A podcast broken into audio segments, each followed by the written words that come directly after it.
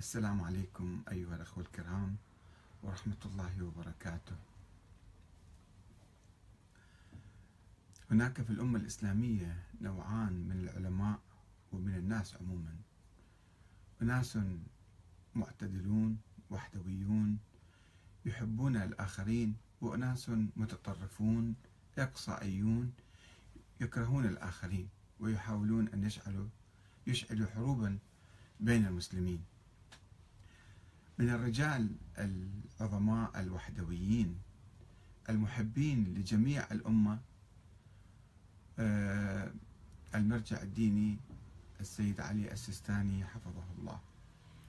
هذا العالم الكبير آه، يؤكد على الوحدة الإسلامية كثيرا ويقول لا فرق بين السنة والشيعة ولا تقولوا أن السنة إخواننا وإنما هم أنفسنا.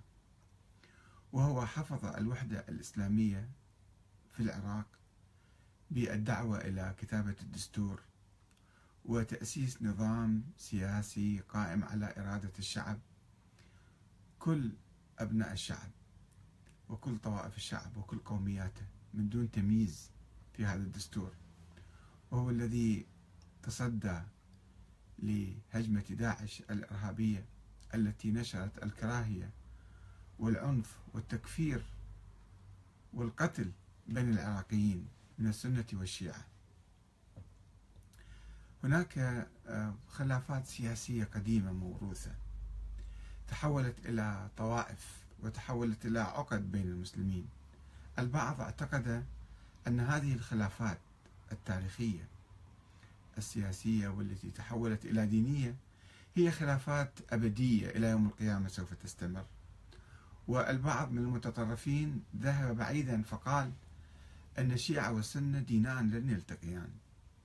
ولكن البعض الواعي والمحقق قال خلاف ذلك. قال بأن هذه خلافات تاريخية آه، ماضية وبائدة وقديمة وأنه الآن لا خلافات حقيقية بين السنة والشيعة.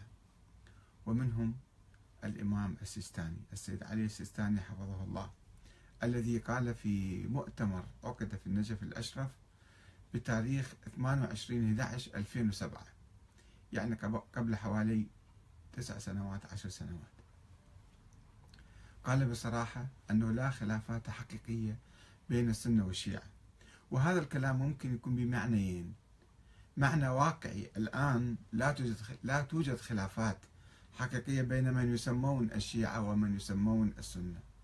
هم كلهم ناس عاديين ناس فقراء ناس أغنياء ناس متوسطي الحال وهذه خلافات وهمية. وأيضا ممكن يدل على أنه الخلافات اللي تميز الهويتين وهي الخلافات الطائفية الموروثة وعلى رأسها موضوع الخلافة. والإمامة أنها بالنص أو بالشورى. آه، وأن الخلافة كانت من حق الإمام علي أو لا كانت مسألة مفتوحة والآخرون الناس انتخبوهم وانتخبوا عبر السقيفة بالشورى. هذا خلاف تاريخي قبل 1400 سنة ولكنه تحول إلى خلاف عقدي يعني كأنه في جزء من العقيدة. وأنه نعتقد بهذا الرأي أو بهذا الرأي. ولكن بالنتيجة هذا الخلاف التاريخي الدستوري السياسي حول شكل نظام الحكم بالنص أو بالشورى هذا خلاف أيضا بائد لا حقيقة له اليوم لأنه الآن مجمعين السنة والشيعة في العراق وفي سائر البلاد الإسلامية مجمعين على نظام سياسي واحد وهو أن ينتخب الحاكم أو الإمام الرئيس رئيس الوزراء أي اسم أعطيناه للرئيس. ينتخب من الأمة. وبالتالي آه، ضمن دستور وضمن قانون وضمن يعني تحديد للصلاحيات في النظام الجديد النظام الديمقراطي الذي قبله الشيعة والسنة. فإذا في الحقيقة حتى على المستوى النظري والأيديولوجي لا يوجد خلاف بين السنة والشيعة اليوم. ليس فقط في المصالح لا يوجد خلاف. لا حتى على مستوى النظري هذه نظريات تاريخية قديمة بائدة ولا أهمية لها الآن. أود أن يعني أذكركم بهذا المؤتمر التاريخي حتى نشيع ثقافة الوحدة والمحبة والأخوة بين المسلمين بدل ثقافة الكراهية والعنف والعيش بالماضي السحيق. وخاصة نحن الآن على أعتاب الخطوات الأخيرة من القضاء على داعش فتنة داعش في العراق. نأمل أن تتعزز الوحدة العراقية والوحدة الإسلامية بين أبناء الشعب الواحد والأمة الواحدة. وخاصة هذا التصريح لا يأتي من أحمد الكاتب إنما يأتي من أكبر مرجع شيعي الآن يعتبر السيد علي السيستاني. وهذا موجود في موقع بإمكانكم تراجعون. تكتبوا بس العنوان ويخرج لكم التصريح هذا. أكد المرجع الشيعي الأعلى في العراق آية الله السيد علي السيستاني أنه لا خلافات لا خلافات حقيقية بين السنة والشيعة مشيرا إلى أنه خادم لجميع العراقيين. وأضاف السيد السيستاني في كلمة ألقيت نيابة عنه خلال افتتاح الملتقى الأول لعلماء السنة والشيعة في العراق في مدينة النجف الأشرف بالقول أنا أحب الجميع. الدين هو المحبة. أعجب كيف استطاع الأعداء أن يفرقوا بين المذاهب الإسلامية. ومضى قائلا هذه المجالس واللقاءات مهمة ومفيدة ومن خلالها يعرف الجميع أنه لا توجد خلافات حقيقية بينهم. أن نقاط الخلاف بين الشيعة والسنة في قضايا فقهية موجودة بين أبناء المذهب الواحد أيضا. الشيعة لهم مئات الفقهاء ومئات العلماء وكل واحد عنده رأي وكذلك السنة أيضا مئات العلماء والفقهاء ولهم آراء مختلفة. فإذا الخلافات الفقهية لا تشكل آه، مادة أساسية للاختلاف والنزاع طبعا كان الخلاف الدستوري الخلاف الأساسي بين الشيعة والسنة كان حول الإمامة. الإمامة لمن وكيف وما هي شروط الإمامة الأسمى الناس الكذا. في هذه السلالة في تلك السلالة. الخلاف كان يدور في القرون الأولى حول السياسة والحكم. والآن إذا اتفقنا حول السياسة وحول نظام الحكم فلا يبقى أي شيء من الخلاف.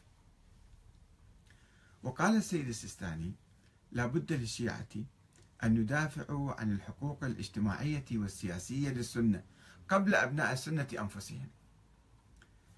حتى لا تكون محاصصة. في المحاصصة كل واحد يريد ياخذ حصة أكثر من الآخر. أما إذا تنازلنا وتواضعنا وأصبحنا كرماء كل واحد يعطي الأخوان كلهم أخواننا وأبناء وطن واحد. ماذا يهم إذا هذا أخذ كمنصب أكثر وذاك أخذ كمنصب أقل أو أكثر؟ فهذا لا يهم. المهم أن كل موظف يأتي و أو كل مسؤول يطبق القانون يطبق العدل يسير على الطريق الصحيح. هذا هو المهم. ماذا يهمني أن يكون المسؤول شيعيا أو سنيا وهو مثلا يسرق وينهب ويقتل ويظلم وكذا؟ هذا لا يهم. في أي بلد إسلامي آخر. وأضاف السيستاني أن خطابنا هو الدعوة للوحدة. وكنت ولا أزال أقول لا تقولوا إخواننا السنة بل قولوا أنفسنا أهل السنة. أنا أستمع إلى خطب أئمة الجمعة من أهل السنة أكثر مما أستمع لخطب الجمعة من أهل الشيعة. نحن لا نفرق بين عربي وكردي والإسلام هو الذي يجمعنا معا. وأوضح أنه يشير في أبحاثه الفقهية إلى فتاوى أئمة السنة.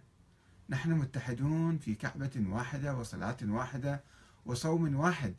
وحينما يقول لي بعض أبناء السنة أيام النظام السابق أنه أصبح شيعيا أسأله لماذا؟ فيقول لي ولاية أهل البيت. فأقول له أن أئمة السنة دافعوا عن ولاية أهل البيت. وهذا ما يؤكد أن حب أهل البيت الولاية بمعنى الحب لدى جميع المسلمين.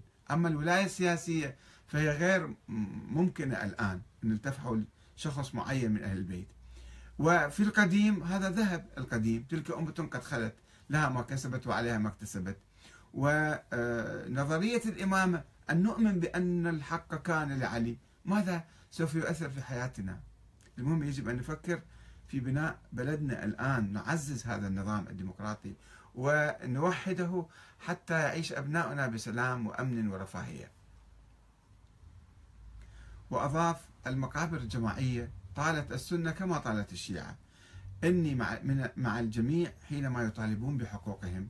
لا أقف أمام حق أي واحد آخر.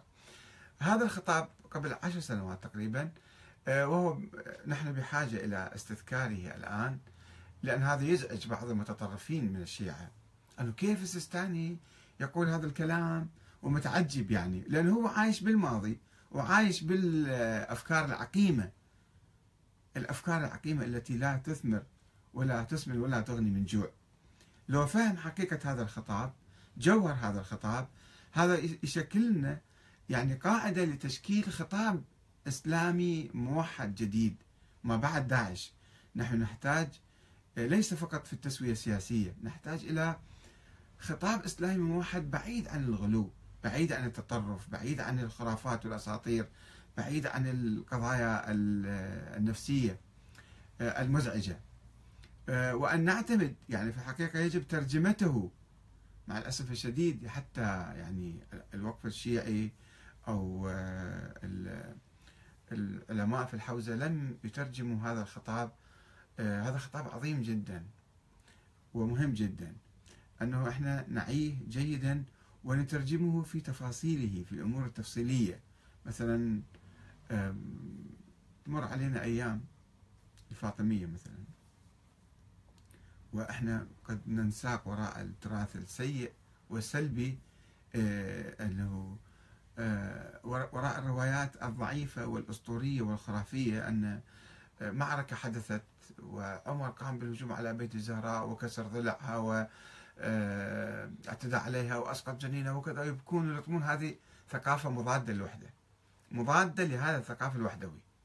وقد سمعت من الشيخ عبد الحليم الغزي يوم أمس ونشرته في موقعي يروي هو عن أحد الشيوخ في الكويت الشيخ محمد جمعة يقول ذهب إلى السيستاني وقال له أنا هل تستمع إلى خطاباتي؟ قال نعم أحيانا وأوصاه بعدم المبالغة في موضوع الزهراء وعدم التأكد من الروايات وعدم رواية كل شيء هكذا لأن هذه تثير الفتنة.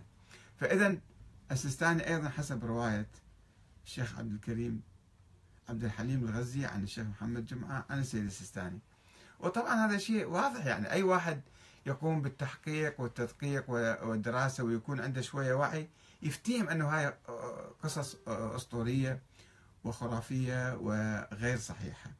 كما ينقل الشيخ عبد الحليم الغزي أيضا عن السيد الخوئي أنه سئل ما هو رأيك بهذا القصة؟ قصة يعني كسر ضلع الزهراء وكذا. فهو يجيب في مكان آخر عندما يبحث عن كتاب في كتاب سليم سليم بن قيس الهلالي يقول هذا كتاب ضعيف وعلماءنا الروايتين هي ضعيفات آه، لهذا الكتاب. فلا يعتمد ما ورد فيه أول شيء ورد في القرن الرابع في هذا الكتاب. علينا أن نكنس الثقافة الطائفية الثقافة الأسطورية والخرافية حتى نستطيع أن نوحد الأمة الإسلامية. و